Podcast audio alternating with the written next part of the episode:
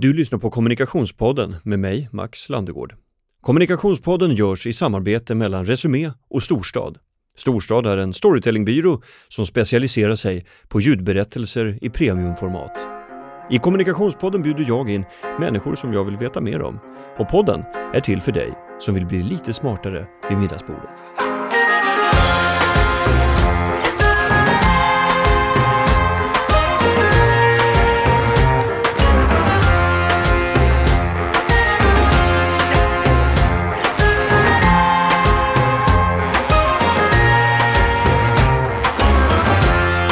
Peter Wolodarski, eh, varmt välkommen till Kommunikationspodden.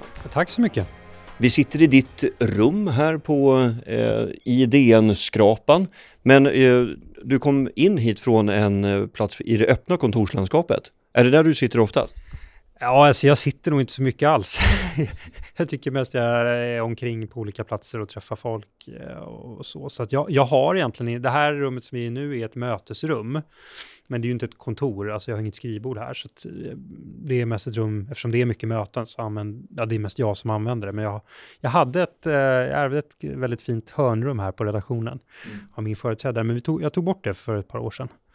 Um, för att jag tyckte att det blev ja, men det blev så mycket som utgick från det där rummet. Jag, jag, jag tror, äh, det skapade en hel del onödiga problem. Mm. Så, att, äh, så det försvann och äh, det känns faktiskt mycket, det känns mycket bättre att inte ha det. Mm. Glida runt, vara tillgänglig. Ja, lite sådär, man känner sig också lite som chef tycker jag, ledare lite, man blir lite avskärmad när man sitter i sådana här fina rum. Det, det, ser bättre ut på pappret än vad det är i praktiken. Och sen så har jag varit väldigt mån om att försöka få decentral, faktiskt decentralisera beslutsfattandet eh, på redaktionen och att få mellanchefer och andra chefer att känna att de har mandat. Och då var det en viktig signal att ta bort det här symboliska hörnrummet där alla viktiga beslut ska fattas. Mm. Eh, intervjun är uppdelad i två delar. Jag tänkte först att eh, lyssnarna skulle få lära känna dig lite mer. Eh, jag har hämtat lite frågor, hämt hämtade från både svenska och internationella rekryteringsförfaranden eh, för att se vad det är för person på arbetet. Eh, och eh, då får du gradera 10 eh, till 1. 10 är absolut, du håller med helt och fullt och 1 är inte alls. Eh, så jag kommer med påståenden och, och du graderar på en skala. Jag gillar att vara bland människor. 8. Eh, jag svarar på mejl direkt och betar av. Äh, mer så förut än nu. Äh, fem. Jag tycker många dömer för fort. Ja, sju. Generellt har folk mindre koll än vad de tror att de har. Ja, fem. Det är viktigare att ingen blir upprörd än att jag ska vinna en diskussion. Eh, tre. Jag är ofta kritisk mot mig själv. fem. Jag är självdisciplinerad. Ja, sex, sju. eh, jag behöver ofta rättfärdiga mig själv inför andra människor. Eh, tre. Jag läser hellre än att städa. Eh, tio. det, var, det var den enda du var tvärsäker på, vad kul. Hur, då, då vill man ju veta hur det ser ut hemma hos dig. Ja, eh, jag blir lätt upprörd. Sju. Jag är mer praktisk än kreativ. Uh, fyra. Mm. Så du går med åt det kreativa hållet? Ja, det, det, det, tycker jag nog. Alltså jag, ja, jag, jag har mycket idéer eh, om olika saker hela tiden. Du var en sjua på upprörd? Ja, alltså, men jag läste nog in mer i det upprörda i engagerad. Eh, kanske en, en arg. Mm. Att, att, ja, jag går igång på olika saker eh, och blir engagerad och liksom stimulerad av det och ibland arg, men också glad. Så det var nog ett svar på den frågan. Känslomässigt engagerad? Ja. Jag är konventionell. Två. Om någon inte snabbt svarar på ett mejl som jag skickat så blir jag orolig om jag skrivit något galet. Två. Människor har svårt att göra mig upprörd. Uh, nej. Det har de inte. Ja, jag vet. Fem? Jag är upprorisk. Åh, oh, lite. Se sex och en halv. Sex och en halv. Eh, det är viktigare att människor är snälla än intelligenta. Ja, åtta, nio. Ja, du tycker det alltså? Ja, jo, jag tycker nog det. Ja, med åren har jag väl mer och mer liksom eh, uppvärderat hur man är mot varandra snarare än man kommer med de smartaste kommentarerna. Det, det var mindre viktigt förr alltså? Jag vet inte, men, men eh, när du är ny på en arbetsplats eller ny i yrkeslivet, du har inte så mycket erfarenhet, så har inte varit med om så många olika sit svåra situationer, så kanske man inte riktigt heller förstår att uppskatta värdet av, av, av att vara schysst mot andra. Jag är traditionsbunden. Nej, sex. Hellre improvisation än detaljerade planer. Ja, åtta, nio. Mm. Jag dagdrömmer ofta. Nej, två, tre. Att vara organiserad är viktigare än att vara anpassningsbar. Nej, tre, fyra. Mm. Intressant. Eh, upprörd, medelupprorisk, eh, icke dagdrömmande improvisatör. Ja, jo, jo, men jag är, alltså den verksamheten som jag är i är ju väldigt mycket, det händer ju så mycket i världen som vi skriver om och bevakar om och berättar om för våra läsare, att om du inte kan improvisera i den miljön så kommer du få svårt tror jag, att fungera i praktiken. Vilka människor är svårast att få intresserade av det som ni skriver i DN? Alltså, om man inte är intresserad av samhällsfrågor, då är det svårt att locka dem med eh, att locka, är du inte intresserad av samhällsfrågor överhuvudtaget så är det svårt att locka med Dagens Nyheter. Men finns det inte de som är intresserade av samhällsfrågor men som fortfarande inte hittar till tidningen men som borde göra det? Jo, de finns. Men jag tycker alltså, en, en riktigt bra saker, det är en av för, de stora fördelarna med digitaliseringen. Riktigt bra saker tenderar att nå fram ändå. Mm. Eh, och det kräver inte en prenumeration. Utan på ett eller annat sätt så når det en massmarknad. En av de riktigt, riktigt bra sakerna. Ta avslöjandet om uh, kulturprofilen och övergreppen.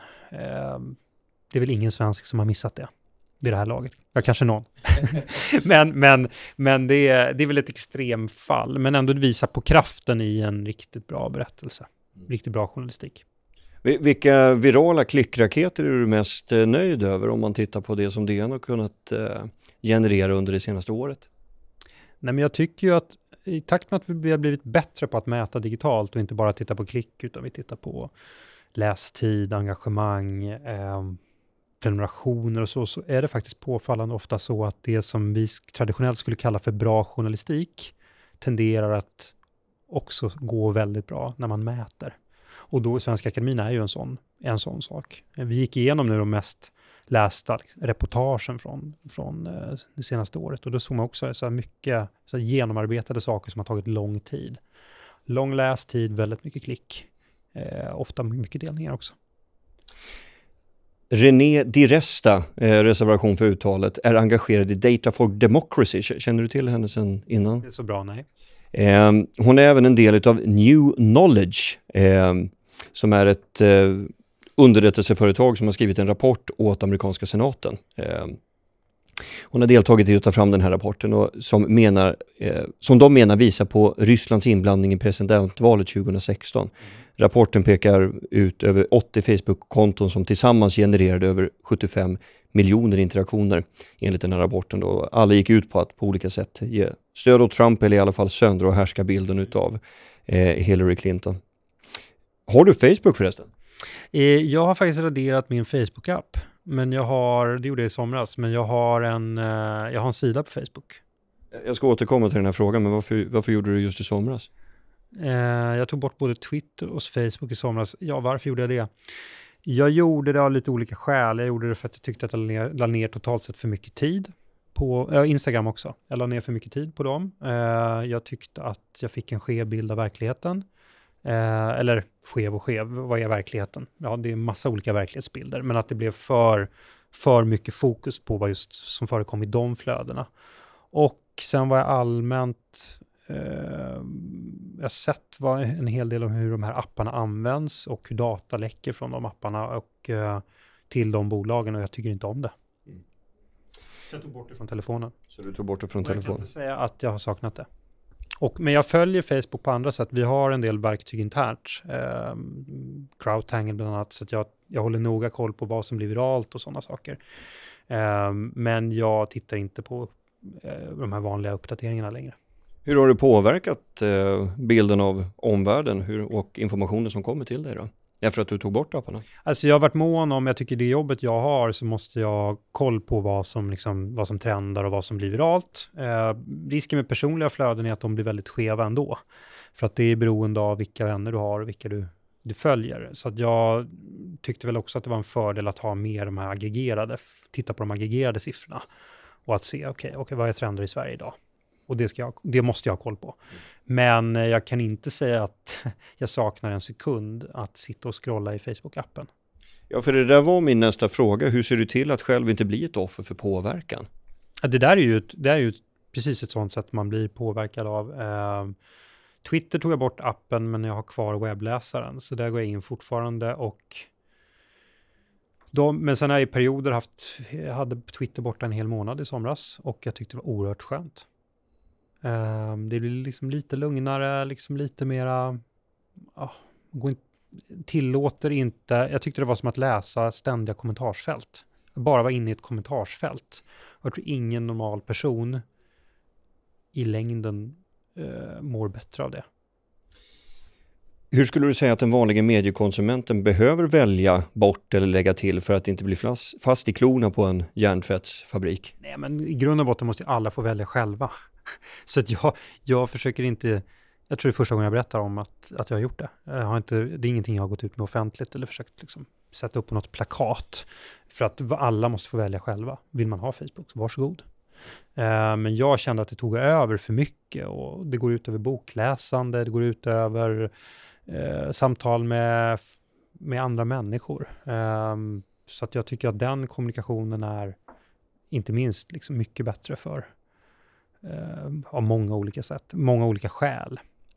Vilken bok eh, var den senaste du läste som du verkligen eh, som fastnade? Som stannade kvar hos dig? Jag läser hela tiden. Nu höll jag på med Alan Rusbridgers bok Breaking News som handlar om eh, journalistikens utmaningar i hela det här landskapet. Jag ska sätta tänderna, det blir ju mycket kring det jag jobbar med, men nu ska jag sätta tänderna i Jill Abramsons nya bok om hennes tid på New York Times. Den släpps här i, i dagarna. Men du, eh, jag återkommer till det här ämnet, det är ju rasande intressant. Alltså hur, hur ska du och eh, DN generellt kanske konkurrera med åsikter, filterbubblor, eh, det som florerar som är svårt att eh, eh faktakolla?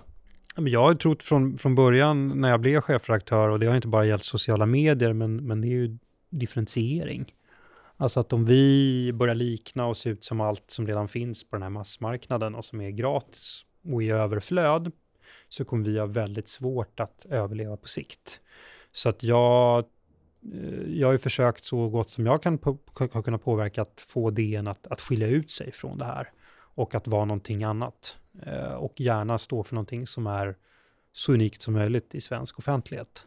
Och vad är det då? Ehm, ja, det är att lägga stora resurser på berättande journalistik, på undersökande journalistik, på analyserande journalistik. Ehm, så att tillräckligt många i Sverige känner att det här är så pass viktigt att jag måste, eh, jag måste betala för att följa det.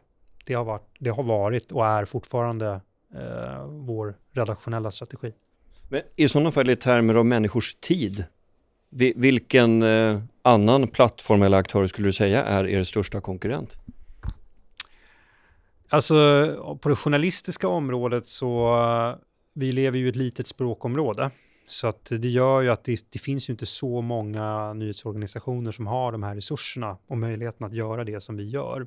Så där är ju konkurrensen, tyvärr skulle jag säga, inte jätte, jättestor. Eh, för jag tror också att konkurrensen är otroligt viktig. Den dagen konkurrensen försvinner så blir vi sämre. Eh, men annars är ju den stora konkurrenten är ju, ja, helt, det är ju att tiden, ett dygn, ett vaket dygn är tiden begränsad. Och om du sitter med din telefon så kan du välja att gå in i DN-appen, men du kan välja att spela. Um, jag ser det på våra barn. De spelar. Mm. Uh, du kan, det finns tusen saker du kan göra. Eh, och i den meningen är Facebook en konkurrent också. Men jag menar att vi konkurrerar med någonting annat. Men tiden, den är knapp. Mm. Eh, så slår vi oss inte fram där, tar ändå en, en väsentlig del av våra användares liksom, tid som de använder sin mobiltid, mobiltelefon, då har vi inte lyckats. Mm. Men i sådana fall i termer av liksom giltighet och eh, en relevant kanal, vilken är i sådana fall DNs största konkurrent? Alltså mobiltelefonen är nu vår, vikt, det är vår största kanal. Eh, så att, så menar, där är vi ju, där konkurrerar vi ju med i princip alla andra som har populära appar. Mm. Så är det. Allt från liksom Fortnite till Svenska Dagbladet. Fortnite i högsta grad. eh, men i vår kategori som jag ändå tror är, är svårt att se att den skulle att den, menar, tittar man bara på liksom digital räckvidd och vi, vad, vad är det, vad, med vilka sajter går svenskar in på? Så ser vi att journalistiska medieföretagens sajter ligger ändå väldigt högt upp där. Och det är ju ändå en signal om att ja, men nyheter är viktigt. Och, och nyheter kommer inte, människor kommer inte sluta lägga tid på nyheter. Eh, men man kan göra detta mer eller mindre bra. Så det är ju stora skillnader mellan olika länder, hur det går för olika medieföretag. Och även inom länder.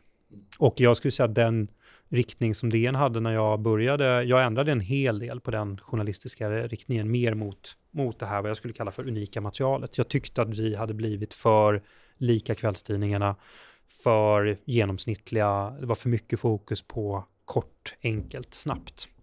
Mm. Vilken av de här förändringarna är du mest eh, stolt över? Nej, men det är nog det. Alltså, det, ja, alltså ska jag säga så här, när jag började 2013 som chefredaktör så var jag utgick egentligen först från journalistiken och hur jag ville att vi skulle förändra vår journalistik. Och det har jag försökt beskriva då lite grann från, ja, från det här snabba, korta. Snabbt ska det vara också nu, såklart.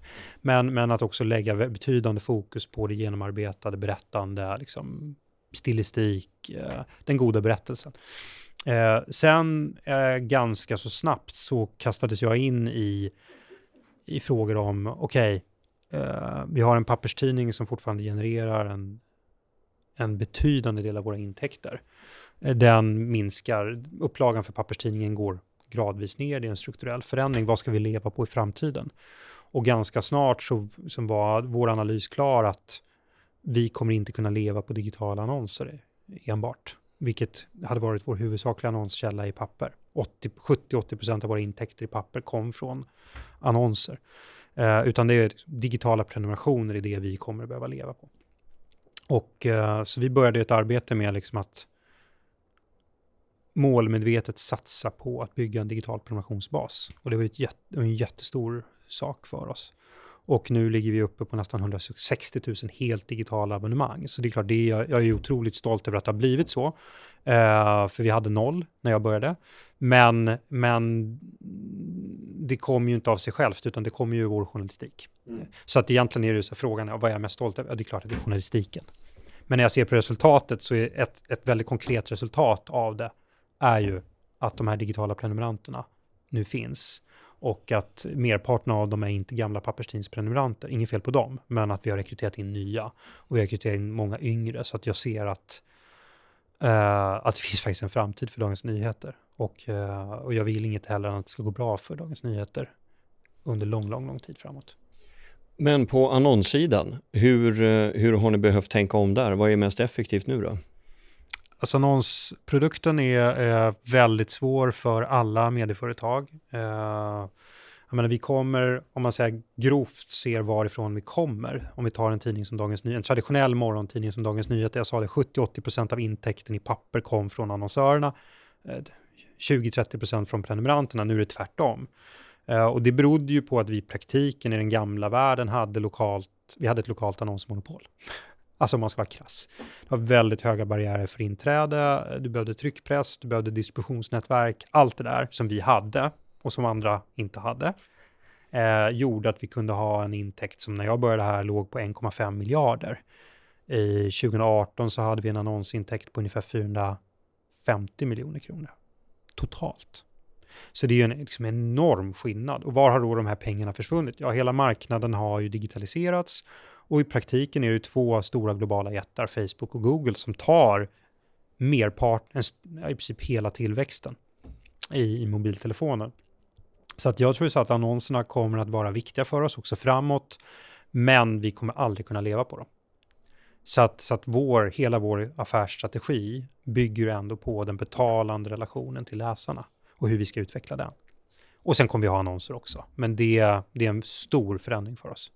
Och, eh, kommer man då behöva vänta ut en generationskonvertering där på något sätt eftersom vi har en ganska bred eh, grupp ur eh, eh, mediekonsumenterna som har ganska tidigt med internets inträde vande sig vid att nyheter ska vara gratis? Ja, så var, alltså när vi började med de digitala abonnemangen så var ju det väldigt mycket reaktioner, så här, ni är galna, vad tror ni, vem ska betala för det här?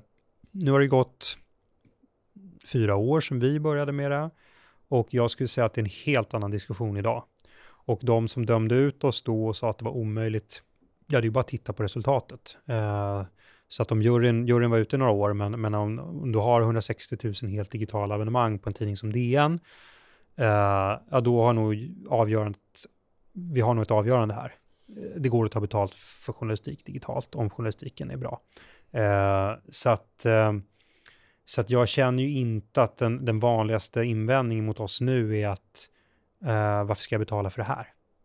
Det är det inte, utan frågan är mer av slaget att jag tycker att appen borde bli bättre. Jag tycker ni borde samarbeta med andra tidningar så att det kan få tillgång till mer journalistik. Um, ni måste bli bättre på digital presentation, vilket är sant. Uh, det är mer sådana invändningar som kommer än varför tar ni betalt? Det, det, det, den opinionen tycker jag har försvagats väsentligt. Mm. Ehm, vilka tror du att du som chefredaktör vilka tror du att du som chefredaktör har mest idémässig påverkan på? Eh, ja, alltså jag tror ju att det, alltså med den ställning och status som DN har i Sverige, så är vi ju en, en eh, jag tror när vi började med digitala prenumerationer till exempel, så fick det en väldigt stor påverkan på branschen. För att många var osäkra på om det här gick och DN gick i bräschen och jag drev på det och eh, nu är alla tidningar där. Till och med eh, Expressen är den sista nu som har anslutit sig till att också ta betalt. Eller anslutit sig, det är, inget, det är ingen kartell utan alla tar ju betalt självständigt. Eh, så att alla traditionella tidningar i Sverige har börjat ta betalt digitalt. Och det skulle jag säga att jag tror att vi har ändå påverkat det lite grann. Sen, sen är det klart att vi påverkar, men det är, den, det är den affärsmässiga delen av det. Sen sätter vi en standard för journalistik, mycket när det går bra för oss, eh, och kan inspirera andra att, att följa efter. Eh, och det kan ju den som är chefredaktör påverka. Eh, jag kom ju från ledarsidan ursprungligen, det var ju där jag började. Även om jag inte har hållit på med ledarna eh, sedan 2013. Sen skriver jag min krönika och det är klart att ledarsidan och, och, tonen i tidningen i största allmänhet kan också få en stor påverkan på den, på den politiska diskussionen. Och, och det är klart att de avslöjanden vi gör leder till konsekvenser i samhället. När jag började så, vi pratade, mycket, vi pratade då i början om agendasättande journalistik. Jag tyckte att det var ett begrepp som missförstods väldigt mycket. Vad jag avsåg med det, så vi slutade använda det. Men, men vad jag menade med det var egentligen den klassiska definitionen av en journalistik som är relevant och som har genomslag. Den sätter agendan för samhällsdiskussionen. Och i, den lig- och i det begreppet för mig låg ingen politisk ambition, utan mer en tanke att, att det här är så pass viktig journalistik, att, att den, ja, den påverkar utvecklingen i samhället. Och det tror jag alla journalister i någon mening har när en dröm om att, att det man gör är så pass betydelsefullt, det det man får fram, att, att det ska få den påverkan. Och apropå just terminologi och begrepp som eh, går in och ut ur tiden, hur, hur ställer du dig nu till, eh, jag menar vi har en, en helt ny mittenregering, en helt ny koalition, historiskt unik. Eh, kan DN fortfarande kalla sig oberoende liberal? Med de konnotationer som det kanske kommer att väcka? Absolut, Dels, det, det är en fråga för våra ägare, vad DN ska vara politiskt. Eh, vi har varit oberoende liberala eh, i alla tider. Det är för mig, liberalismen är ju inte ett partipolitiskt begrepp. Alltså att vi oberoende liberala eh, har ju ingen koppling till något politiskt parti eller någon intresseorganisation. Det finns ju många tidningar som har det. Eh, vi har inte det och har inte haft det. Eh, utan vi verkar i Bonniers liberala tradition. Och att stå upp för humanism, för öppenhet, för en fri ekonomi. Oavsett vad våra politiska partier ägnar sig åt. Ehm, så att jag ser ingen förändring i det avseendet. Tvärtom kan jag tycka att i, i, den tid vi lever där många liberala värden är satta under press så kan en tidning som DN få en, har en tidning som DN en särskilt viktig roll att spela. På vilket sätt då? då?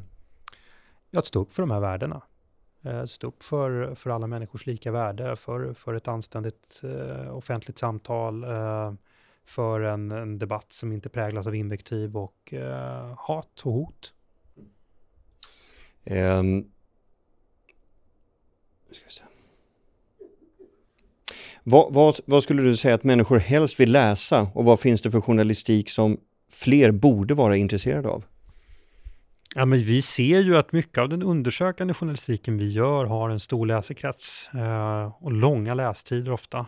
Eh, vi ser, och de går bra på sajten. Vi ser att, alltså det fanns en sån här myt om att ja, du måste göra klickvänlig journalistik för att det ska funka. Så är det ju inte. Utan bra saker tenderar att fungera digitalt också. Men varför gör folk klickjournalistik då?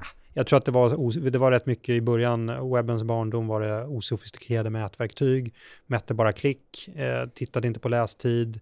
Det kan man säga att annonsmarknaden var också otroligt faktiskt naiv, där du betalar för hur mycket någon har klickat på en, på en artikel, men du bryr dig inte om hur många som de facto läser den stannar kvar, om de är inne fem sekunder och drar vidare. Um, så, att, så att jag tror vi har blivit, alla blivit uh, bättre på att förstå och då har på sätt och vis den nya, typ, den nya tidens journalistik, den digitala journalistiken, har faktiskt närmat sig den klassiska journalistiken och de, och de uppfattningar som vi traditionellt sett hade om vad som var god journalistik och vad som engagerar flest läsare. Mm. Uh, nu, nu, det, det baserade vi för mer på en magkänsla och på vår erfarenhet. Och nu så kan vi mäta det, men påfallande ofta tycker jag att det sammanfaller.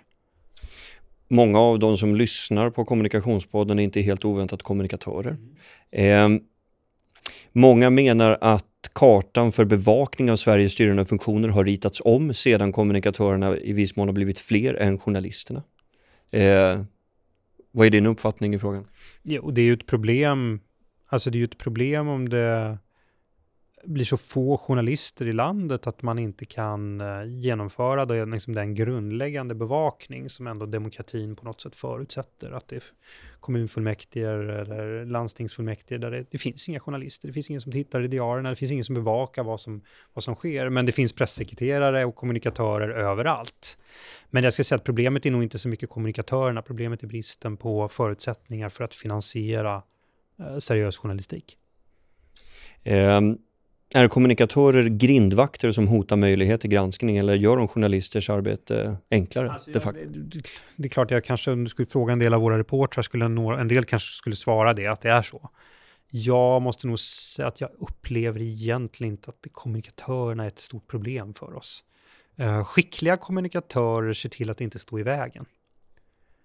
Alltså jag skulle säga att de, de, mest framgångsrika ledarna och de som får bäst publicitet är ju inte de som håller sig borta om det förutsätts att man faktiskt ska synas. Utan det är de som vågar visa en transparens, eh, vågar svara på frågor öppet, eh, som inte hela tiden använder sig av någon spindoktor.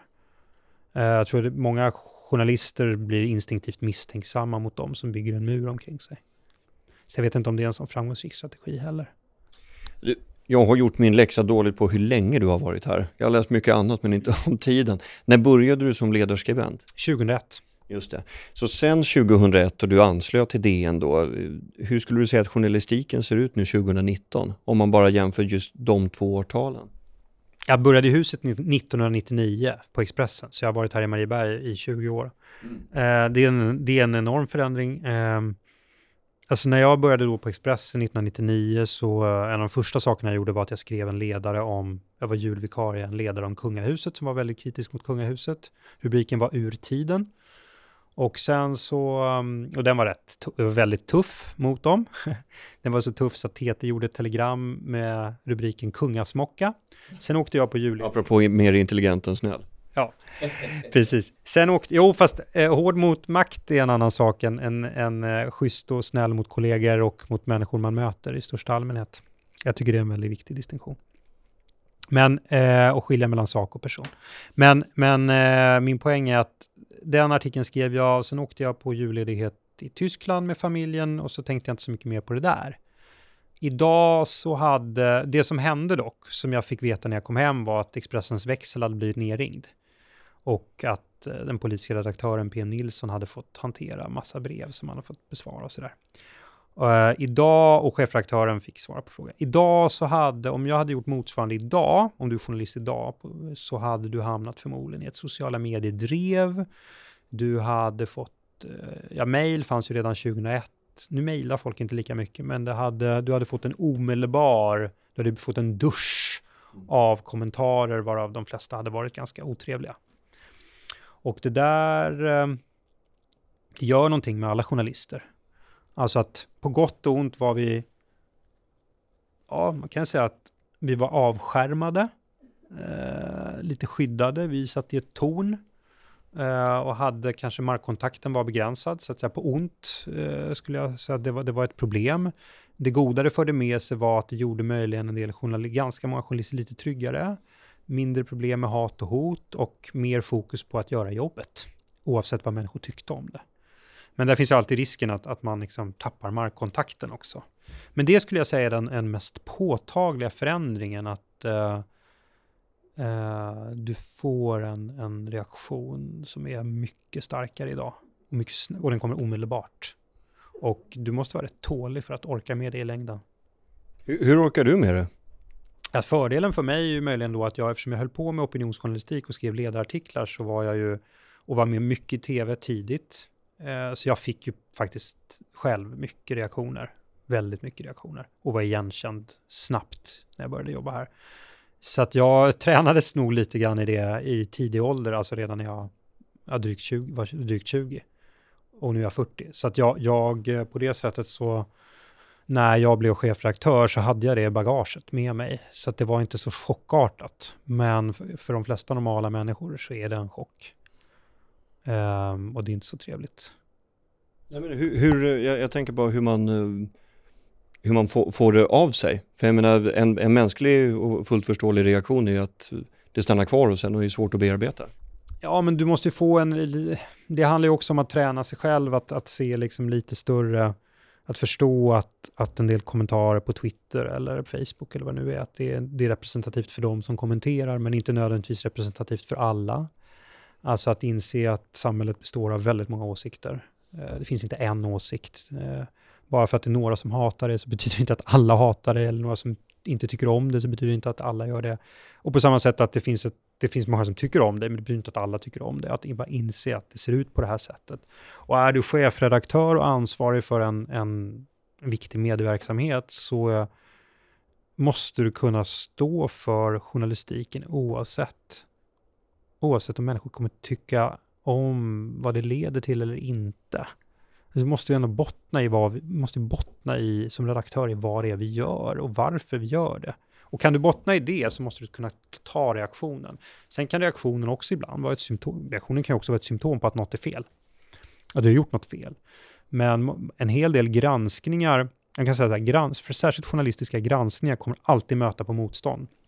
Särskilt om, när du granskar politiska partier så kommer i regel de som sympatiserar med de partierna eller med de åsikterna som partierna företräder att inte tycka om granskningar. Eh, och det är bara att inse att det är så. Och då är den journalistiska uppgiften att se till att granskningar sker brett och inte riktar sig mot specifika partier utan att vi, vi, vi tittar över hela linjen hela tiden. I den meningen är vi opartiska. Peter Wolodarski, stort tack för att du ville vara med i Kommunikationspodden. Tack så mycket. Ja. Nu har du 27 missade samtal som du måste svara på. ja, det var inte så farligt. Nej, vad bra. Ja. Tack så mycket.